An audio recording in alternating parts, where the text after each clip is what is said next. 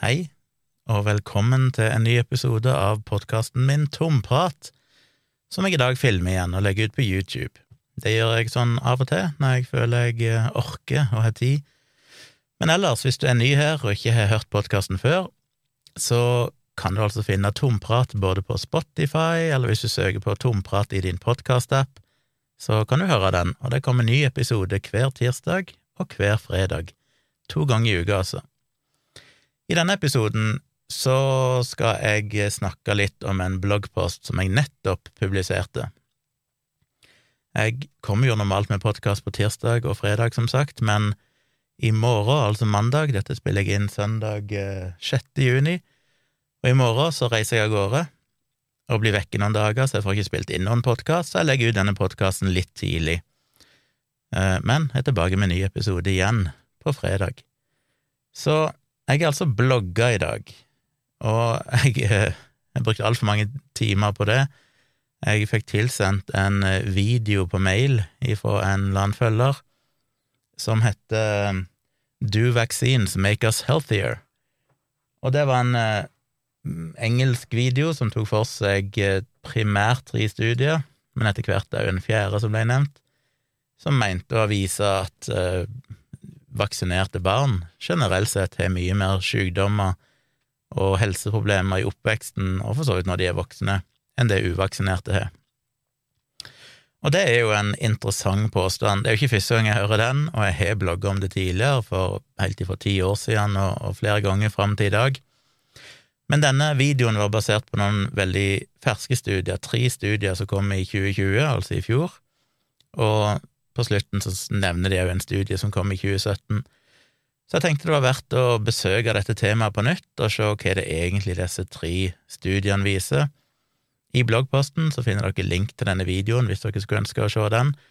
Den fremstiller jo disse studiene som for det første helt banebrytende nye. De påstår at det aldri før er blitt gjort studier som sjekker om uvaksinerte barn faktisk er, har bedre helse enn vaksinerte barn, eller for å si det på en annen måte, om det å vaksinere ungene faktisk skader de mer enn det det er verdt over tid. Det er, som jeg skal se i slutten av bloggposten, og som jeg nevner i slutten av episoden her, fullstendig feil, selvsagt. Selvsagt er det gjort sånne studier, mange store, gode studier som jeg lenker til, men i videoen så fremstiller de det som at dette aldri har blitt gjort, for det legemiddelindustrien og myndighetene vil ikke egentlig finne ut av dette. Det er altså feil. Um, de går gjennom de tre studiene og fremstiller de som særdeles gode studier, og når du ser på de tre studiene sammen, så er det liksom utvilsomt at når alle de tre studiene viser det samme, nemlig at vaksinerte barn lider mye mer helseproblemer enn uvaksinerte, så må dette bety at det er sant. Så la ikke da se litt på disse studiene, og dette tok meg mange timer, jeg tror jeg satt i åtte–ti timer og leste meg opp på de her studiene og informasjon rundt det, og fikk eh, det ned i en lang bloggpost, og siden den bloggposten er lang, og ikke alle er like glad i å lese, så kan du altså høre denne episoden som en podkast, eller du kan se denne videoen som jeg sitter og snakker i akkurat nå. Det er kanskje lettere, men jeg anbefaler jo folk å lese selve bloggposten, fordi der kommer det ofte fram flere detaljer, og der finner du òg alle kildehenvisningene. Alle påstandene mine er jo lenka til, den er full av kildehenvisninger skulle du lure på om jeg har dokumentasjon for noen av tingene jeg sier eller skriver. Um, den første studien er en studie gjort av uh, Hva heter de? Brian Hooker og Jeg finner ikke navnet i farten, men en som heter Miller, altså Hooker og Miller. Og studien heter Analysis of Health Outcomes in Vaccinated and Unvaccinated Children.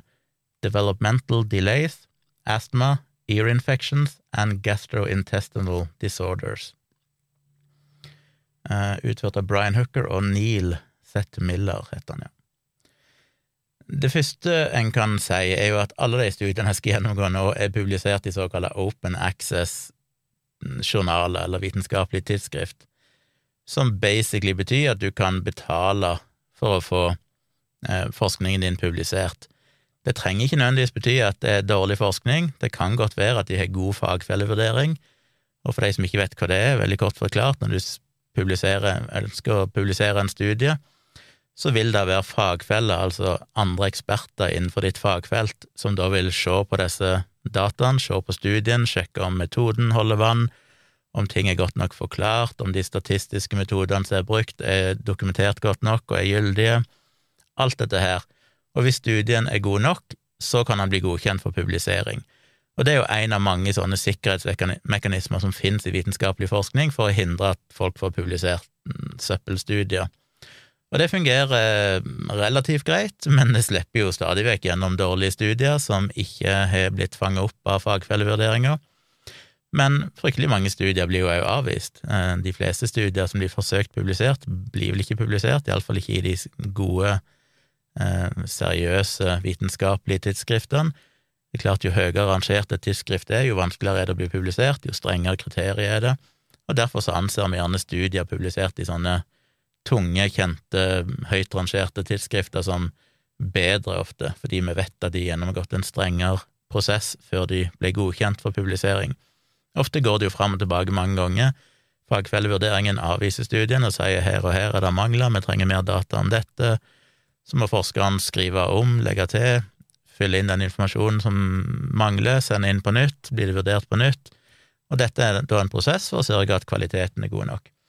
Alle disse studiene eller for å si, ingen av disse studiene er publisert i anerkjente vitenskapelige tidsskrift, og i iallfall ett av tilfellene så er det godt dokumentert at det er tidsskrift som er kjent for å publisere masse svader tidligere, og der de ser gjennom fingrene med fagfellevurderinger hvis du bare betaler de godt nok.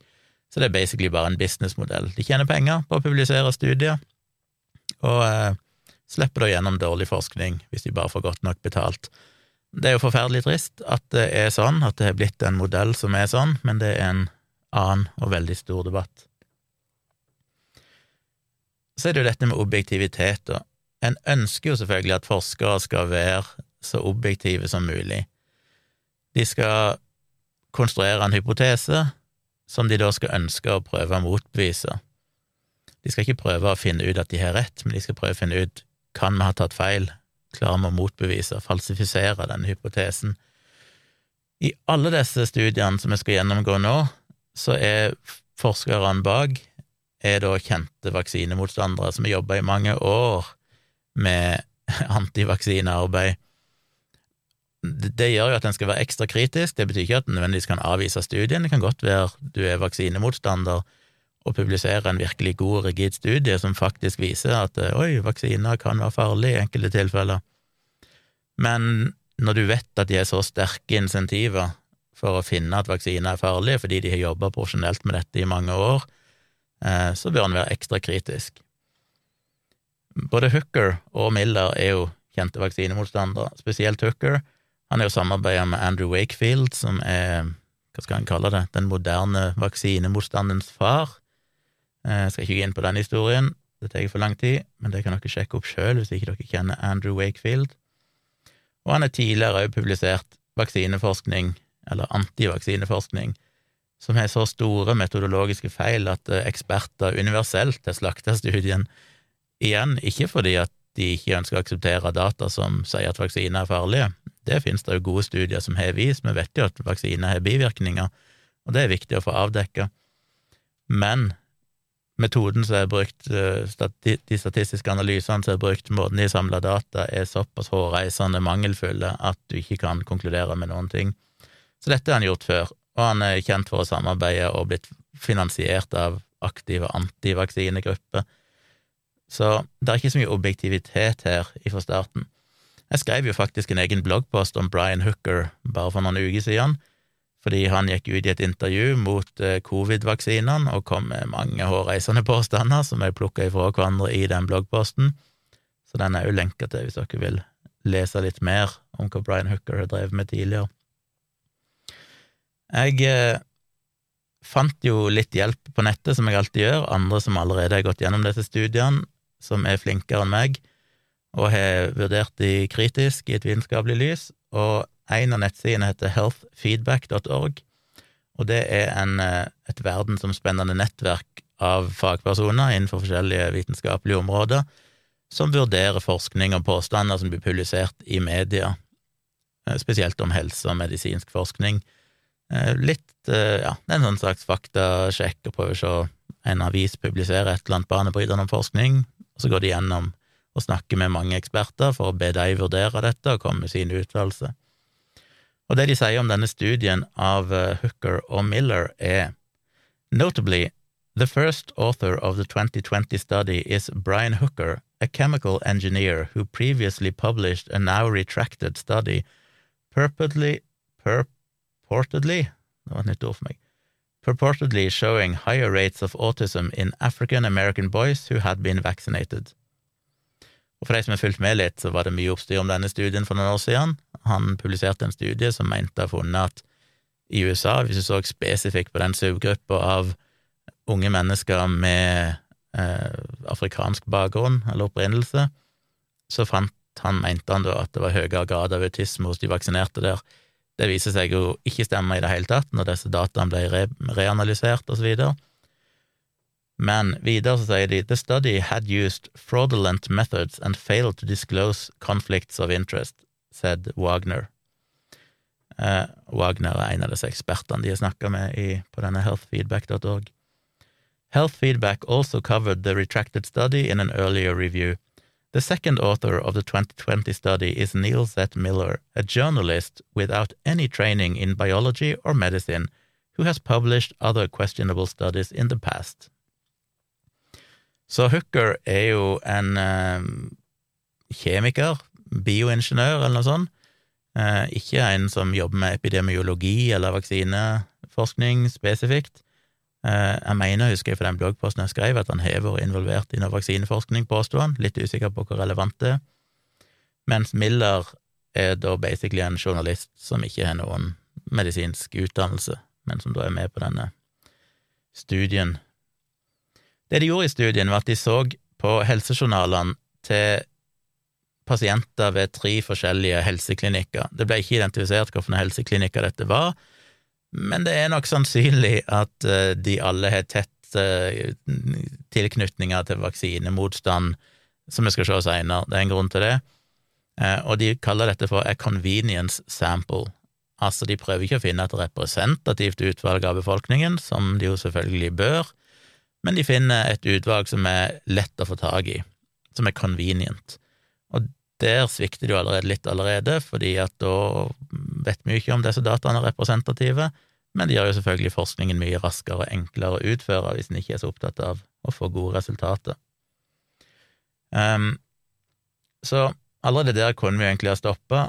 Vi ser jo at hvis dette da er helseklinikk eller legekontor, som er drevet av leger og helsepersonell som generelt sett er ganske alternative, ikke har noe tiltro til vaksiner og sånn, og som da òg i større grad blir oppsøkt av eh, vaksineskeptiske foreldre, blant annet fordi det er lettere å få utskrevet sånn unntak fra vaksinering og sånn, sånn som enkelte stater i USA krever, hvis du skal ha ungene dine på skole og i barnehage, for eksempel, så vil jo det påvirke dataen. Det vil jo blant annet bety at hvis dette da er leger som mener at vaksiner fører til autisme, så vil det kanskje være større intensiv for de å diagnostisere et vaksinert barn med autisme, eller iallfall starte en utredning for dette, mens uvaksinerte barn så vil en bare anta at dette nok ikke var autisme, og blir aldri utreda for det. Eller hvis foreldrene har stor tro på at uh, hvis barnet har en øreinfeksjon, så kan det fikses med healing og sølvvann, så er det klart at uh, da vil de i mindre grad oppsøke legen, og da vil de få mindre registrerte tilfeller av øreinfeksjoner. Så forskningsartikkelen er jo veldig biased i utgangspunktet. De starter jo innledningsvis med å, fremstille det som at det er stor vitenskapelig uenighet om vaksiner egentlig fører til autisme og alt andre helseskader. Det er det jo ikke i det hele tatt, men det sier jo litt om at de som står bak studien, i utgangspunktet er veldig kritiske til vaksiner. Eh, de hevder jo òg at det, vaksiner aldri blir testa mot noen placebo. Det er ikke noen kontrollgruppe som får placebovaksine, derfor kan vi aldri vite om vaksiner egentlig er trygge, som jo òg er feil. Jeg mener til og med den siste covid-vaksinen til Pfizer, som er i utstrakt bruk i dag, som ble godkjent i desember i fjor, den hadde saltvannsinjeksjoner i kontrollgrupper. Så der testa de covid-vaksine, denne nye mRNA-vaksinen, mot saltvannsinnsprøytninger for å se hvordan effekten var. Definitivt en reell placebogruppe, altså. Så det de ville finne ut, var om, eh, om uvaksinerte hadde færre tilfeller av utviklingsvansker, astma, øreinfeksjoner og gastrointestinale sykdommer. Så de delte ungene ved disse tre helseklinikkene i tre grupper. Altså, de så tilbake på data, dette var ikke noe de gjorde med nye barn og fulgte de framover, men de så tilbake på tidligere registrerte barn som hadde vært hos legen, og de delte de i de som hadde fått minst én vaksine før de fylte ett år, eller pluss-minus noen dager når de fylte ett år, ettersom enkelte vaksiner blir gitt på ettårsdagen pluss-minus noen dager, og de ungene som ikke hadde mottatt noen vaksine på det tidspunktet. De ble da erklært som uvaksinerte fordi de ikke hadde fått vaksine i løpet av sitt første leveår. Så fylte de disse en periode framover, og for å se hvor ofte de var til legen med forskjellige problemer, da, som jeg nevnte over uh, tidligere. Uh, de analyserte ikke tidsintervallet mellom når de fikk vaksinen og disse symptomene, for eksempel en øreinfeksjon eller symptomer på uh, Eller hva var det? Utviklingsvansker sånn oppsto, som jo er litt rart, fordi en skulle jo tro at tidsintervallet var ganske relevant. Oppsto disse i kort tid etter de fikk vaksinen, eller skjedde det mange år etterpå? Det var det ikke noen data på. De inkluderte totalt sånn ca. 2000 barn, og der fant de at nesten 31% av ungene var uvaksinerte. Og det bekrefter jo det jeg sa tidligere, at dette helt åpenbart er tre helseklinikker som har en veldig stor grad av uvaksinerte barn, altså vaksineskeptiske foreldre, fordi i befolkningen generelt sett så tror jeg det bare er 1,3% eller sånn av amerikanske barn som ikke har fått noen vaksiner. Så dette er jo ikke representativt for befolkningen i det hele tatt. Og en må jo anta, som jeg sa tidligere, at hvis det er en høy grad av uvaksinerte barn, så er det en grunn til at foreldrene velger å bruke akkurat de klinikkene, at vaksinemotstandere flokker til akkurat disse helseklinikkene. Det sier nok noe om holdningene til vaksiner, og kanskje medisinsk behandling, eh, moderne medisinsk behandling i utgangspunktet. Så det må en jo anta påvirker dataen. Og Health Feedback eh, skriver Scientists who evaluated the study told Health Feedback that it contains numerous methodological flaws, one of which is the non-representative sample population. Karina Torp, Topp, an associate professor of pediatrics at Dalhousie University, pointed out that the proportion of unvaccinated children in the study was much higher than in the general population. According to a 2019 CDC report on vaccine coverage, only 1.3% of US children had received no vaccinations at two years of age.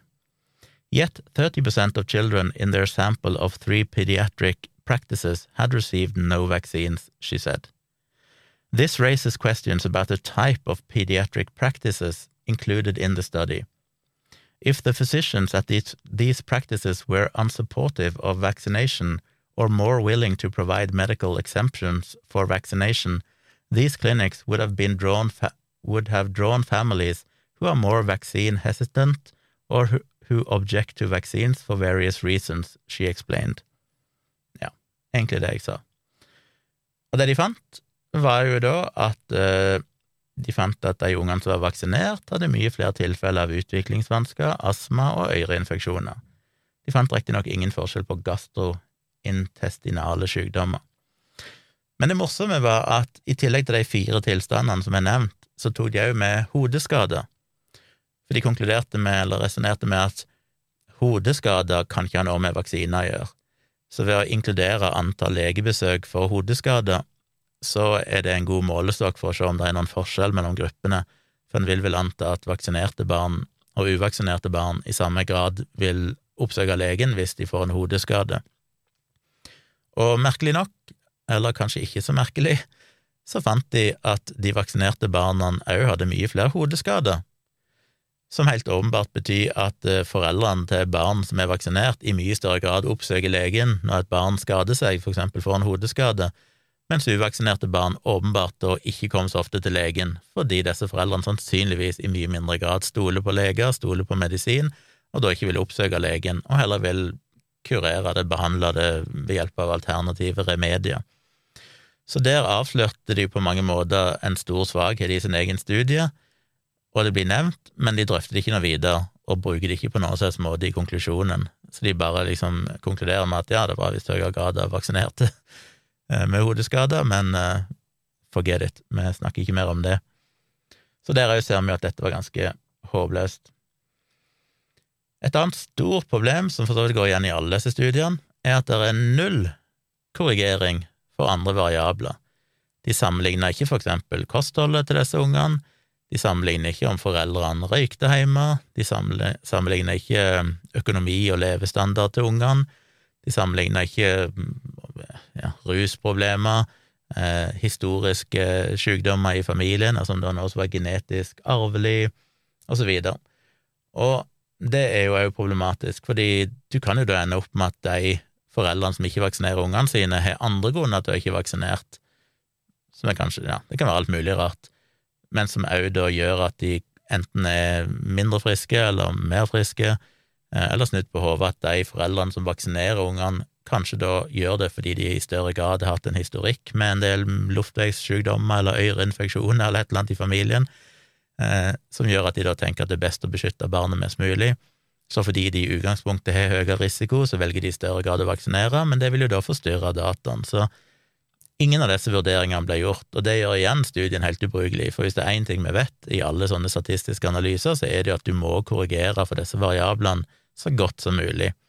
En klarer aldri å korrigere for alt, men en må gjøre sitt ytterste for å prøve å sørge for at det ikke er andre ting som egentlig forklarer forskjellen mellom gruppene enn den ene tingen en studerer, som i dette tilfellet var om de var vaksinert eller ikke. På Health Feedback så skriver de Apart from the non-representative sample population, Wagner altså en av disse ekspertene de snakket med, pointed out that a large problem with this study is that the researchers did not control for the differences between the groups of unvaccinated and vaccinated children. Controlling for differences between vaccinated and unvaccinated children is important, as vaccination status itself is associated with other factors that can influence health outcomes but do not result from vaccination itself. For example, Vaccinated children are more likely to see a doctor when unwell compared to unvaccinated children for various reasons, such as socioeconomic status, accessibility to healthcare services, and possibly greater trust in healthcare professionals. As a result, vaccinated children are much more likely to be diagnosed with medical conditions, but this does not necessarily mean that they are more likely to develop such conditions in the first place. Og dette er jo bekreftet av flere studier. Jeg viser til en studie fra 2005 som hadde undersøkt hva er det som gjør at foreldre velger å ikke vaksinere ungene sine. Og en av de viktige faktorene de fant der, var at de hadde en lav eh, grad av risikoopplevelse knyttet til disse sykdommene. Altså de følte de var i mindre risiko, det var ikke noe stor sjanse for at ungene deres kom til å bli smitta. Eh, og de hadde ikke noe særlig tro på at disse sykdommene, sånn som meslinger, kikhoste osv., egentlig var noe særlig farlige. Så altså en lavere tillit til helsevesenet og medisin, og mindre ønske om å gå til legen fordi de ikke så på disse sykdommene som så alvorlige. Så hvis ungene fikk meslinger, så tenker de ja, ja, det er ikke så farlig. Så det vil jo forstyrre dataen i stor grad. Um, hvor mer er det jeg skriver her? Ja, så er det viktig å huske på at disse dataene om hvor ofte disse foreldrene tar ungene til legeklinikken er jo data som disse legeklinikkene åpenbart har. De har jo statistikk, de har jo legejournaler. Så de har dataen helt åpenbart, men de valgte å ikke rapportere dem. De valgte altså ikke legge vekt på hvor ofte i utgangspunktet disse ungene oppsøkte lege og fikk da registrert forskjellige helseproblemer. Eh, så det bare unnlot de, sannsynligvis fordi at hvis de hadde korrigert for den forskjellen alene, så ville hele forskjellen mellom uvaksinerte og vaksinerte barn forsvunnet for disse tilstandene. De valgte òg å utelate alle data om risiko for ADHD og autisme, fordi de mente at det var for få tilfeller til at de kunne gjøre noen statistisk analyse. Det kan selvfølgelig stemme, for det var jo relativt få folk, et par tusen unger, men det kan jo være at de gjorde det, og så fant de at oi, det er jo ikke noen forskjell på for eksempel autisme mellom de vaksinerte og uvaksinerte, så derfor velger vi å utelate de dataene. Så ikke en særlig imponerende studie, altså. Studie nummer to, ifra to forskere som heter Lyons Weiler og Thomas, som heter Relative incidence of office visits and cumulative rates of bill diagnosis along the axis of vaccination. Igjen publisert i et um, Open Access-tidsskrift. Og begge disse forskerne er igjen to kjente vaksinemotstandere. Du har Paul Thomas, og du har James Lyons-Whaler. Så la oss se litt på dem først, fordi Paul Thomas han mista jo legelisensen i fjor, i desember i fjor, fordi han nekta å bruke maske når han behandla pasienter. Han gikk ut og oppfordra alle andre til å slutte å bruke munnbind midt i en pandemisituasjon. Eh, men det var jo ikke bare det som gjorde at han mista legelisensen. De gikk jo gjennom en grundig eh, gikk gjennom historikken på han og fant at han hadde utsatt sine pasienter for grov feilbehandling og risiko over lengre tid. Og et eksempel som ble trukket fram i en bloggpost av David Gorski, som hadde sett på denne saken, er ganske grusom. Det var en ni år gammel gutt som ikke var vaksinert, hadde altså foreldre som var vaksinemotstandere. Han hadde på den gården der de bodde, klart å skade seg og fått et langt og dypt kutt i hodet, men heller enn å ta ungen til legen, som vel de fleste foreldre ville gjort, så valgte foreldrene å behandle ungen med sølvvann, og så sydde de såret sjøl, uten å tenke på hygiene og risiko for infeksjoner. Allerede der, selv om det er ett tilfelle, så bekrefter de jo én dette er åpenbart uh, den type foreldre som denne legen har som klienter, som da er vaksinemotstandere. To, til og med når ungen fikk en ganske alvorlig skade i hodet, så valgte de å ikke gå til legen, som jo bekrefter det jeg har sagt tidligere, om at det vil jo gjøre dataene her veldig urepresentative og skeive. Men, ja, så fordi de behandla ungen helt hårreisende feil, så endte jo ungen opp med å få stivkrampe, akutt stivkrampe, ble så sjuk at han måtte legges inn på akutten på sykehuset. Der lå han jo med pustehjelp, altså med han ble intubert og fikk mat gjennom en sonde, og lå på sykehuset i to måneder før han endelig var frisk nok til å utskrive. Så han holdt altså på å dø av denne behandlingen.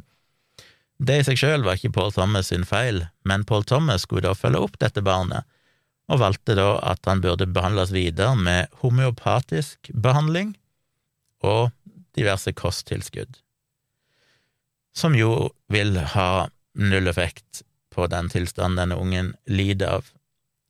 Og det er da som disse som endte opp med å ta ifra han legelisensen, eh, konkluderte med, grovt uetisk, utsatte barnet for feilbehandling og stor risiko. Så ja, og i tillegg så kom det jo ingen anbefalinger fra Paul Thomas om at dette barnet kanskje burde vaksineres mot stivkrampe når han nettopp har holdt på å dø av det én gang. Det burde kanskje være en oppvekker for foreldrene at her er det kanskje lurt å vaksinere, for det er unger flest får ikke stivkrampe når de kutter seg fordi de er vaksinert. Men denne ungen som da bodde på en gård der det kanskje er ekstra høy risiko, um, fikk ikke den vaksinen og ble heller ikke anbefalt den. James Lyons Weiler han er ikke så mye bedre, han er jo òg en aktiv covid-fornekter. Han har ingen medisinsk kompetanse i det hele tatt, og allikevel så blir han brukt som ekspertvitne i en rettssak der en, sannsynligvis noen foreldre mm, ville ha erstatning for en vaksineskade. Og retten konkluderte da med at eh, han var lite overbevisende i sitt vitnesbyrd, og påstandene hans var ikke basert på noen medisinske data.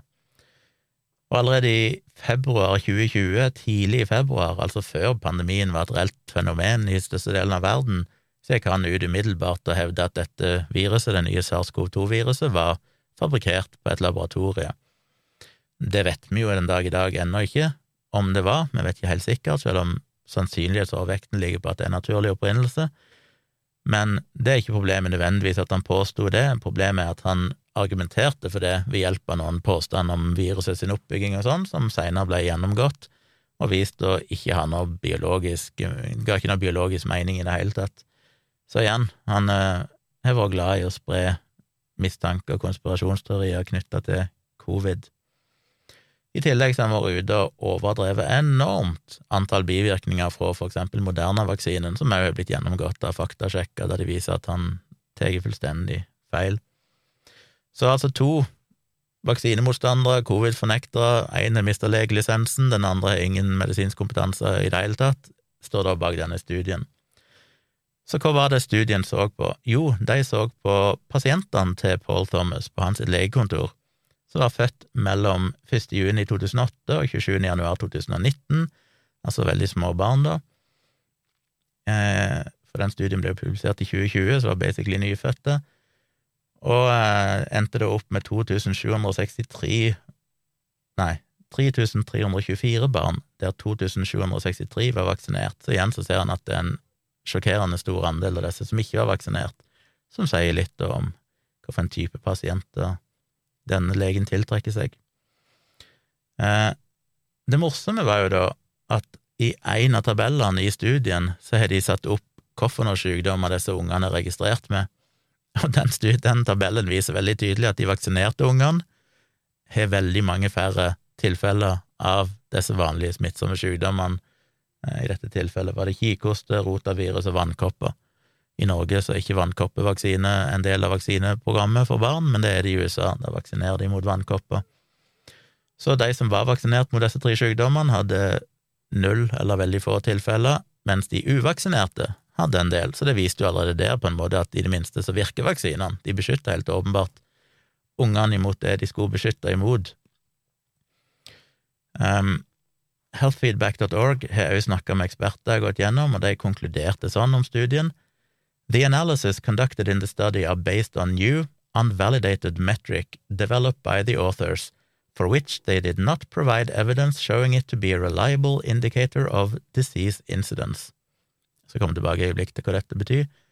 Potential bias may also have affected the diagnosis of illnesses in unvaccinated and vaccinated children, which is not accounted for in the study. Så igjen, veldig fort, de har ikke korrigert for verken villigheten til å besøke lege, altså det at uvaksinerte sannsynligvis mye sjeldnere oppsøker legen enn det vaksinerte gjør, og det vil jo da forstyrre dataen. Eh, de har heller ikke eh, korrigert for eh, det, eller det studien er basert på, den statistiske metoden de brukte, var at de så på antall fakturerte legekonsultasjoner. Men det er litt problematisk, for da får du ikke et slags én-til-én-forhold hvis du har en unge i den uvaksinerte gruppa som ikke har fått en eller annen sykdom, men du har en unge i den vaksinerte gruppa som har fått den sykdommen, så får du ikke null mot én, men du får gjerne null mot fem eller ti, fordi at den ungen som hadde denne sykdommen, er kanskje til legen flere ganger. Så det vil si at ett tilfelle av en sykdom vil da forstørres veldig og bli til veldig mange legekonsultasjoner, sånn at alle dataene blir ekstremt oppblåste. Og det er altså en statistisk metode eller en måte å analysere data på som ingen andre studier noensinne har brukt, men som disse forskerne bare har dikta opp sjøl og sagt at vi mener dette er en fornuftig måte å gjøre det på. Eh, studien bærer også preg av stor grad av p-hacking, og det skriver jeg litt om, jeg vil anbefale dere å lese bloggposten, jeg skal ikke gå gjennom det her, det tar for lang tid, men jeg viser til en morsom sjokoladestudie som ble publisert for noen år siden, som viste at det å spise sjokolade gjør deg slanker, som var en fake studie som ble designa nettopp for å avsløre hvor lett det var å drive med p-hacking, og allikevel få det publisert og få media til å svelge det rått. Men p-hacking betyr veldig kort og enkelt forklart at hvis du bare undersøker mange nok ting i en studie, så er det statistisk sannsynlig at du vil gjennom ren tilfeldighet få minst én falsk positiv. Så måten de har gjort det på i denne studien, er at de sjekker for veldig mange tilstander og kobler sammen data basert på ulike grupper, kjønn, alder alt mulig sånn, og da, når du analyserer mange nok ting, så er det nesten uunngåelig at noen av disse tingene vil vise seg å stemme, men du vet jo ikke om det bare er tilfeldigheter, støy, eller om det er reelle data. Så det er en veldig farlig måte å gjøre det på, og er veldig utbredt i forskning, ikke bare dårlig antivaksineforskning, men det er et problem i forskning generelt som det er viktig å, å vurdere. Men det gjorde de helt åpenbart i denne studien. Eh, så om de har gjort det bevisst eller ubevisst, det er jo aldri godt å vite, men uh, ja. Skal vi se Ja, det var vel egentlig mest av alt det. Så alt i alt, to vaksinemotstandere står bak studien. De brukte en statistisk metode som ingen har brukt før, og som åpenbart blåser opp tallene. De korrigerte ikke for noen variabler med som sagt, eh, historie for sykdom i familien, eh, helseforhold, kosthold, sosioøkonomiske faktorer, ingenting sånn, og ei heller graden av besøk til legen, altså det at vaksinerte gjerne oppsøker lege oftere når ungene er syke, enn det uvaksinerte gjorde. Så igjen, en studie som ikke forteller dere noen ting. Nummer tre, Den tredje viktige studien i denne YouTube-videoen er jo, heter Statistical Evaluation of Health Outcomes in the Unvaccinated. Og det er ikke en studie i det hele tatt. Eh, eller, det er selvfølgelig et definisjonsspørsmål, men jeg vil jo heller kalle det en spørreundersøkelse basert på selvrapportering, der de basically fant ut at nå skal vi finne ut hvordan det går med uvaksinerte, det er det ingen som har gjort. Så la oss sende ut et spørreskjema til uvaksinerte i hele USA, og spør de hvordan går det med dere, har dere hatt helseproblemer? Har ungene deres hatt noen helseproblemer? Og så videre. Så det gjorde de i perioden april til 2019 til juni 2020. Så ble det sendt ut spørreskjema til uvaksinerte amerikanere i de fleste eh, delstater. Og der ble de spurt om ungene deres, men de kunne også rapportere seg selv eller andre familiemedlemmer, der de kunne skrive basert på egen subjektiv opplevelse, ikke basert på legejournaler eller noe medisinsk eh, kompetent informasjon, men bare sånn hvor ofte mener du at ungene dine har vært syke med ditten og datten, og har du hatt noen problemer, og. Så allerede der ser vi at dette ikke er spesielt objektivt. Eh, det de ville teste, var igjen hypotesen om at de uvaksinerte hadde mindre helseproblemer enn andre, så de på en måte satte de dataene opp mot offisielle helsestatistikk for folk flest i USA, for å se om de fikk lavere tall. Og det gjorde de jo, selvfølgelig. Um, men før vi går inn på det, så er det jo interessant å se at når du leser denne rapporten, som ikke er en studie, men egentlig bare en lang artikkel omtrent, så bruker de noen sånn som 20 sider i starten bare på å angripe vaksiner og Big Pharma, og det er konspirasjonsteorier. Dette er jo ikke en vitenskapelig studie, det er basically bare en rapport som er skrevet av vaksinemotstandere som skal vise at vaksiner er farlige. For i en studie så skal du være i det minste, uansett utgangspunkt, skal du iallfall være så objektiv du kan og ikke i utgangspunktet bruke mesteparten av studien på å fortelle hvor grusomme vaksiner er, før du da kommer til de faktiske dataene du samler inn sjøl. Så det gir jo ikke stor tillit til studien. De klarte å inkludere ca. 1500 personer i undersøkelsen, og så drøfter de jo da dette med muligheten for bias, altså kan det være en skeivhet der, kan det være at folk som ikke vaksinerer seg eller ungene sine av ulike grunner, kan være mindre syke av andre årsaker enn etter vaksinene som fører til dette, og da konkluderer vi nei, det er jo helt utenkelig. Utenkelig at det at du ikke vaksinerer deg, kan ha noen innvirkning på noen ting annet. Som er veldig rart, fordi vi har jo allerede sett at det har det jo. Det har jo definitivt effekt på både hvordan du tolker sykdom, hvordan du vurderer farligheten til sykdom, og så. Eh, og ja, så det er en ganske sånn overfladisk analyse der de basically bare avfeier dette som et problem. Jeg vil jo anta uten at jeg har gode data på det for hånd akkurat nå, men at folk som er vaksinemotstandere, veldig ofte, det vi vel sett i norske data sånn òg, er folk som er mer alternative i livsstilen, og de vil ofte kanskje være veganere, vegetarianere, vil være mer opptatt av kosthold, eh, fordi de er redde for alt av liksom syntetiske tilsetningsstoffer, sprøytemidler, alt mulig sånn. Og det er klart, det kan jo bety at de lever sunnere generelt sett, tar mer vare på helsa si, spiser bedre, for alt vi vet og det kan jo selvfølgelig påvirke helse. Men det ignorerer de bare i denne studien og sier at det er helt utenkelig at det at du er vaksinemotstander, kan ha noen effekt på noen ting som helst annet. Så det er jo veldig, veldig merkelig. Og så er det jo dette med utvalget, da. De fikk svar for ca. 1500, men de kan jo ha sendt ut studien til 100 000. Eh, vi vet jo ikke, det kan være det var én promille som endte opp med å svare. Det sier de ingenting om, det vet vi ikke.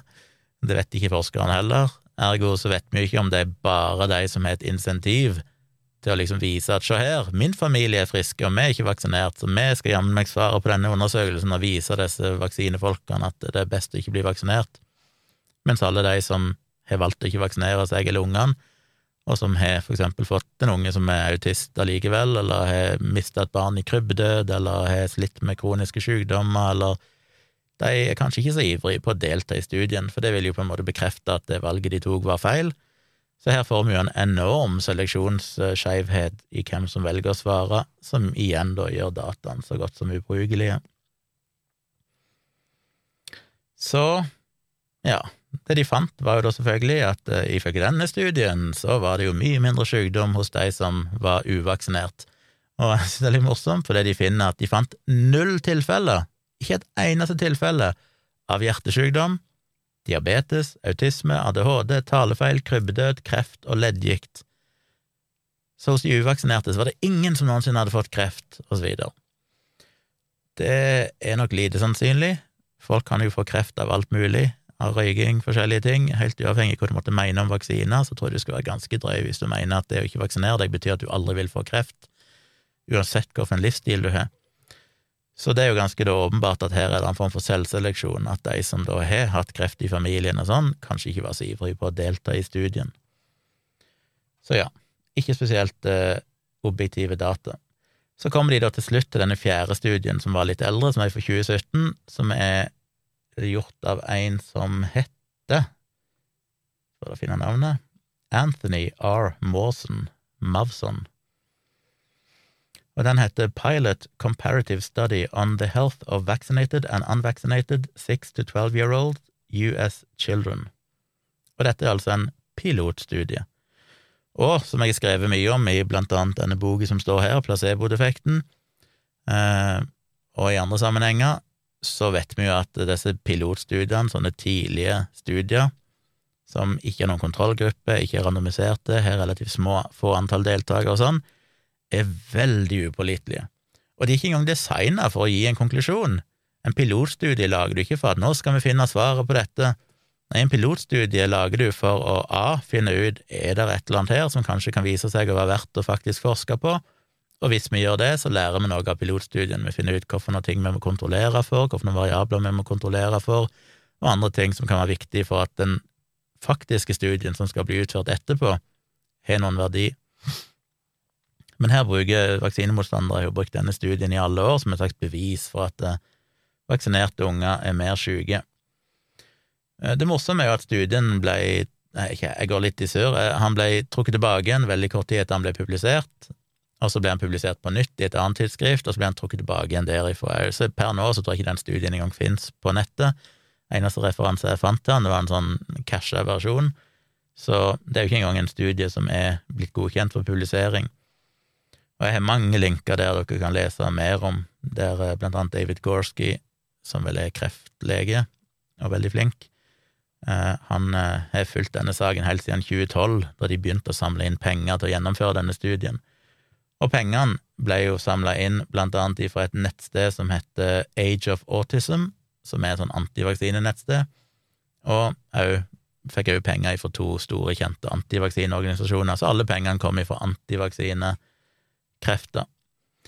Nettstedet Snopes, som jo eh, driver med sånn faktasjekka påstander, de gikk gjennom studien tilbake i 2017, da han gikk litt sånn viralt, og karakteriserte den på følgende måte. This study, with its suspect statistics and devil-may-care attitude toward methodological design, in, is a case study in how to publish a misleading paper with faulty data. Kan ikke bli mer slakt enn det, egentlig. Eh, de påpeker òg at dette var jo en helt, igjen, en helt frivillig spørreundersøkelse, som de la ut på noe sånn antivaksinenettsted og sa her kan dere svare. Og, og, den gikk jo da bare ut til folk som var vaksinemotstandere, basically. Primært så henvendte han seg til foreldre som hadde ungene i hjemmeskole, altså ikke ville ha ungene i offentlig skole i det hele tatt, eller privatskole, men ville ha de hjemme og skolere de sjøl og som òg da hadde valgt å ikke gi ungene vaksiner. Og det er jo litt uh, tvilsomt. Snopes skri skriver As we will describe below, these de facto retractions and high level of scrutiny stem not from a conspiracy to silence work critical of the medical establishment, but from the myriad ethical, methodological, and quantitative problems inherent in the study and to the research group behind it. Altså, Snopes skal ikke debunke studien fordi å, den viser at vaksine er farlig, og det vil vi ikke akseptere. Nei, det er fordi det er legitime grunner til det, som jeg sa innledningsvis. Denne studien er så full av feil og har så dårlige statistiske metoder videre at du er nødt til å kritisere den og konkludere med at dette er søppel. Eh, Mawson er jo også vaksinemotstander, samarbeider med Andrew Wakefield videre.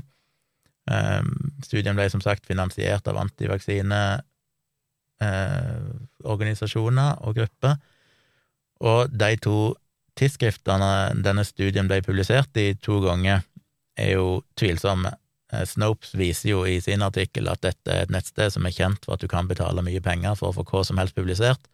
Blant annet så har de tidligere publisert en artikkel om, eller en, forskningsartikkel i gåsehauget, om chemtrails, altså denne konspirasjonsteorien om at fly slipper ut farlige kjemikalier i eksosen på jetmotorene sine som faller ned og gjør oss sjuke og sånn, fordi de vil, de vil drepe befolkningen og ja, alt mulig sånn. Det sier jo litt om at her er det ikke mye Her er det ikke høy standard. Eh, I den første gangen han skulle bli publisert i 2016, så ba de en kiropraktor som ikke hadde noen som helst kompetanse innen epidemiologi eller vaksiner, og heller ikke hadde publisert noen ting av forskning sjøl på feltet, skulle da fagfellevurdere artikkelen. Og det strider jo mot hele ideen om fagfelle. En fagfellevurdering skal jo bli utført av en fagfelle, altså noen som er faglig kompetent innenfor det samme fagfeltet, eksperter innenfor det samme fagfeltet. Men eh, de fant altså en kiropraktor som ikke hadde noe kompetanse på dette, til å liksom fagfellevurdere artikkelen. Og i den andre tidsskriftet der denne studien ble publisert igjen år etterpå, så var det et helt nytt vitenskapelig journal som ingen kjente til, og ikke hadde noen kredibilitet i det hele tatt. Um, igjen så var det det samme problemet med utvalg. Dette var jo ikke et representativt utvalg, det var frivillig. Kun de som følte de hadde en grunn til å svare på dette, gjorde det, som igjen betyr at hvis du føler at ungene dine har vært lite syke, og du ikke er vaksinert dem, så føler du kanskje at dette skal jeg svare på for å vise.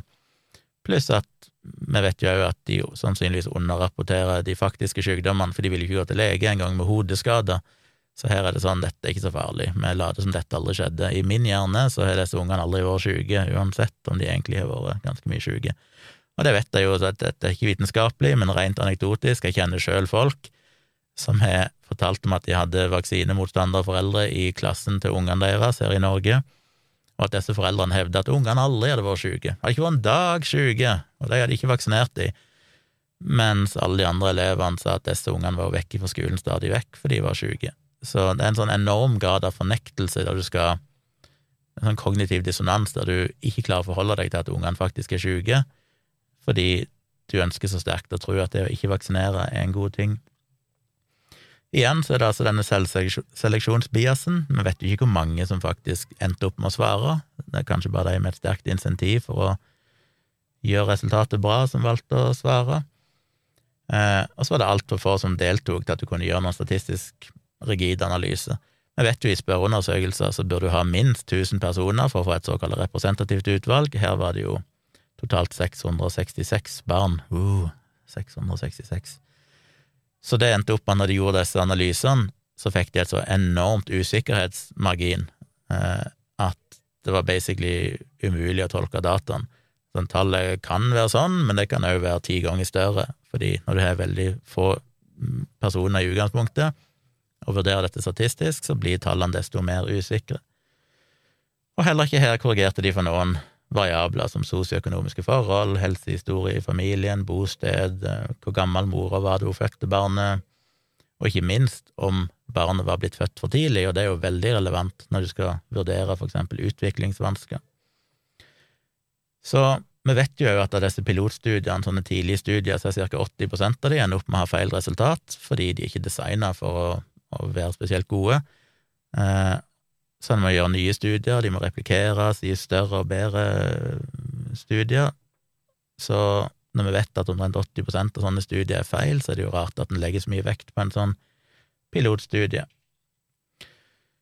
Så det var de fire studiene. Mer generelt så ranter jeg litt i bloggposten om dette med at ok, om du så er kritisk til all min kritikk av disse studiene, ville du akseptert at for eksempel en covid-vaksine ble godkjent på samme grunnlag? Ville du sagt ja, ja, men her er det en studie der Pfizer sier at de ga denne vaksinen til 450 personer, og de mente alle at den var fin for dem, dermed så blir den godkjent å brukes. Eller Moderna får sin vaksine godkjent, eller et nytt legemiddel blir godkjent fordi vi sendte ut en spørreundersøkelse, og de som hadde tatt medisinen og følte han virka for dem, svarte og sa at denne medisinen eller vaksinen er topp, ergo så blir han godkjent. Selvfølgelig hadde ingen ønska det. Så det er så rart at når det gjelder legemiddelindustrien, som en kan være veldig kritisk til, som jeg har et helt kapittel om i den boka her, placeboeffekten, som jeg er kritisk til etikk og mye innenfor forskningsjuks sånn i legemiddelindustrien, og jeg har holdt foredrag om det, snakket om det i podkaster. Kan si mye dritt om dem, men jeg er virkelig glad for at standarden for evidens er ekstremt mye høyere innenfor kalle skolemedisin. der du må ha et stort antall deltakere. I disse covid-studiene var det jo mange titusener av deltakere. Det var kontrollgrupper som fikk et rent placebo som vaksine. Forskerne var blinde, de visste ikke hvem av deltakerne som hadde fått vaksine, og hvem som hadde fått placebo før etter studien var ferdig. Det var skikkelig randomisering for å sørge for at de to gruppene var mest mulig like. Det er ikke sånn at ei gruppe for eksempel hadde bare gamle mennesker, og en hadde bare unge mennesker. Det kan jo påvirke dataen på helt andre måter. Eh, de statistiske metodene er grundig dokumentert, hvordan de regner ut dette, hvilken analyse har de gjort. Det er grundig kveldvurdert, det er publisert i anerkjente vitenskapelige journaler, riktignok med unntak av disse covid-studiene, siden de fikk en sånn betinga godkjenning der vi ikke hadde tid til det, men i alle andre vaksiner og legemidler, når det er utenfor sånne katastrofetilstander som en pandemi så kreves jo det. Og så blir det jo granska av ekspertgrupper som da skal vurdere holder disse dataene vann, før de eventuelt godkjenner det. Ekstremt høye krav. Og det er jo rart da at disse vaksinemotstanderne, som er så sikre på at vaksine er farlig, at de velger å utsette sine unger for dette, for den risikoen, ikke på noen selvs tidspunkt sier at nei, men disse studiene som viser at vaksiner skal være farlige, er jo egentlig ikke noe gode, vi vil ha bedre studier. Vi er like bra som det legemiddelindustrien er, vi krever samme standard. Men det gjør de ikke. De vil ha én standard for legemiddelindustrien, der vi skal ha ekstremt høye krav til kvalitet, som seg hør og bør, og som alle er enig i, men når de skal dokumentere ting sjøl, så aksepterer de altså studier som basically er spørreundersøkelser og ikke viser noen ting som helst av verdi. Men de bruker de for alt de er verdt. De lager videoer, skriver artikler og publiserer de som om dette er bevis. Så jeg skjønner ikke den der dobbeltmoralen. Eh, for all del, hvis dere virkelig tror på dette, så krev nå i det minste samme standard av den forskningen dere sjøl bruker, som det vi som støtter vaksiner sånn, krever av legemiddelindustrien. Jeg ville aldri tatt en vaksine som var testa etter samme standard som det vaksinemotstandere krever av sin forskning. Da ville jeg ha vært like mye vaksinemotstander sjøl, fordi jeg hadde ikke hatt noen tro på at det var god nok dokumentasjon. Og helt til slutt så går jeg gjennom hva forskningen faktisk viser om vaksinerte versus uvaksinerte. Eh, det første interessante spørsmålet som springer ut av Andrew Wakefield og alt dette her, er selvfølgelig før vaksiner til en høyere risiko for at barnet utvikler autisme. Og der er jo svaret så klokkeklart nei som det går an å få blitt. Det er gjennomført mer enn 150 store, gode studier nå som viser at det er ikke noen forskjell på antall eh, autister hos vaksinerte autister er visst ikke et ord en skal bruke, personer med autisme hos de vaksinerte sammenlignet med de uvaksinerte, og her er det inkludert millioner av mennesker over hele verden, der han har gjennomgått disse dataene veldig, veldig grundig. Eh, en studie publisert i 2010 fant at barn som var vaksinert i sitt første leveår, skåra høyere på kognitive tester enn ikke-vaksinerte barn når de ble testa i sånn sju til ti års alder. Det samme fant en studie i 2019 som så på unger i Vietnam, India og Etiopia. De fant òg at de ungene som var vaksinert mot meslinger, skåra høyere på kognitive tester når de var 11–12 år gamle, enn det ikke-vaksinerte barn var. Og En forklaring på det kan jo være for eksempel at unger som er vaksinert, er mindre, eh, er mindre vekke fra skolen i sin oppvekst fordi de sjeldnere er syke. Og det er ganske viktig. Og i enkelte land så er det klart at hvis du er mye syk, så går det utover ernæring, det går utover helsetilstanden generelt sett, som igjen påvirker utvikling av hjernen, og så videre. Så disse studiene viser jo òg at det har mye å si for din faktisk utvikling av hjernen at du er vaksinert, fordi da kan du være frisk, du får med deg skole og undervisning i oppveksten, og det er viktig. Så har vi jo den uh, tyske KIGS-studien, som jeg har skrevet om mange ganger tidligere, for 2011. De fulgte tyske unger som ikke hadde innvandrerbakgrunn, ifra de var født og til de var 17 år, altså basically voksne, og fant da at eh, de vaksinerte ungene hadde ikke hadde noe høyere grad av allergi, astma eller infeksjonssykdommer, for eksempel de var ikke noe mer forkjølt, fikk ikke oftere influensa og sånn, enn det de uvaksinerte ungene var. Så det strider òg mot alle disse studiene. Her har de fylt 17 000 unger i 17 år, 17-18 år, og fant da at eh, det var ikke noe mer sykdom hos de vaksinerte. Det de derimot fant, som ikke er så overraskende, er jo at de uvaksinerte hadde tre til fem ganger flere tilfeller av kikhoste, meslinger, røde hunder og kusma, som jo er noen av de sykdommene vi faktisk vaksinerer imot. Så det å ikke være vaksinert gjorde jo at du tvert imot var mye mer syk, tre til fem ganger oftere syk enn de vaksinerte. En annen omfattende studie fra Danmark fulgte mer enn 700 000 barn født i perioden 1990 til år 2000, og de fant for eksempel ingen økt forekomst av diabetes type 1 hos de som var vaksinert. Det er jo noen som har påstått det, at vaksinerte mye, siden det har vært flere som får diabetes, hevder det, så sier de at ja, men det er jo flere som blir vaksinert, det er sikkert en sammenheng, men den sammenhengen finner en ikke. En annen tysk studie fra 2014, som undersøkte litt over 1300 unger født i 1990, fant at de som var vaksinert, hadde ca. 30% mindre risiko for å utvikle astma før de ble 20 år gamle. Så igjen, vaksiner beskytter ikke bare mot det de var vaksinert mot, men generelt sett beskytter de mot andre ting òg, som for eksempel astma. Og så kom jo da en stor Cochrane-analyse, og Cochrane er jo på en måte gullstandarden innenfor vitenskapelig forskning, der de gjør metaanalyser og analyserer store mengder forskning for å se hva, det, hva vi virkelig vet om dette når vi ser på den beste forskningen samla sett. Og de så på 138 studier som inkluderte mer enn 23 millioner mennesker totalt, og fant at vaksiner for det første var svært effektive i å beskytte mot de sykdommene som de vaksinerte imot, men at den vaksinerte gruppa ikke hadde noe økt risiko for autisme, utviklingsvansker eller lærevansker, astma, type 1 diabetes, hudeksem, allergier, leukemi, multipel sklerose, forstyrrelse i gange eller forskjellige typer infeksjoner. Så det er en ganske solid studie med mer enn 23 millioner mennesker, og basert på 138 store studier, altså, som fant ingen økt risiko for disse sykdommene hos de vaksinerte. Så jeg lenker til flere studier, liste på liste med studier, der du òg kan sjekke Det blir jo påstått blant annet at det er aldri utført noen langtidsstudier på vaksinerte for å se hva som skjer med de i framtid, om 10 og 20 og 30 år. Det er der, og jeg lenker til artikler som lister opp sånne studier og òg flere studier som sammenligner uvaksinerte med vaksinerte barn, sjøl om altså denne YouTube-videoen hevder at det aldri er blitt gjort før, men det er det jo selvfølgelig. Så skriver jeg òg helt litt på slutten om hvor fascinerende det er at vi i nyere tid har funnet ut at vaksiner beskytter mot mye mer enn det du vaksinerer imot. De har jo sett det på data, de begynte vel i Afrika, afrikanske land, der de fant at hm, unger her som er vaksinert, eller de som har vært vaksinert med for eksempel BCG-vaksinen mot tuberkulose, de har en mye høyere overlevelse enn det dødeligheten for tuberkulose er, så det ser ut til at de ikke bare overlever tuberkulose i større grad, men de overlever generelt sett i mye større grad. Hvorfor er det sånn?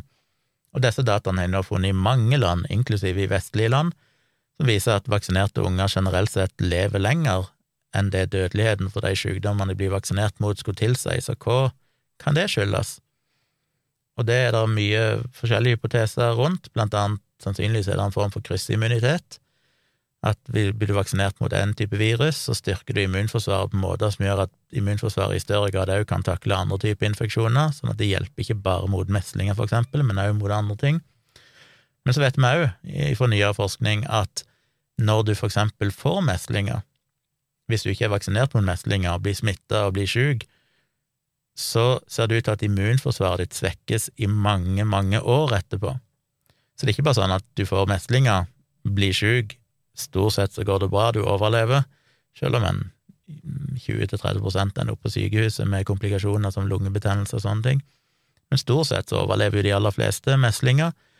Men selv om det går bra, så har du et svekka immunforsvar i mange år. Det er så hard belastning på immunforsvaret at du da i mange år er mer utsatt for andre infeksjoner, som òg kan forklare både denne utviklingen av kognitive evner, fordi hvis du først får meslinger, så kan du òg være så svekka i mange år etterpå at det går utover skolegang og andre ting, og utviklingen din generelt sett. Eh, men det setter deg òg selvfølgelig i høyere risiko for å få sykdommer du ender opp og døye av sånt i afrikanske land. Så ser en for eksempel at det er mye høyere dødelighet hos de uvaksinerte, ikke bare på grunn av meslinger, men òg av alle andre årsaker. Så det er veldig interessant, og det viser til flere studier på, på slutten av bloggposten, hvis du sjekker ut den. Så det var vel egentlig det. Jeg har en liten konklusjon eh, i bloggposten.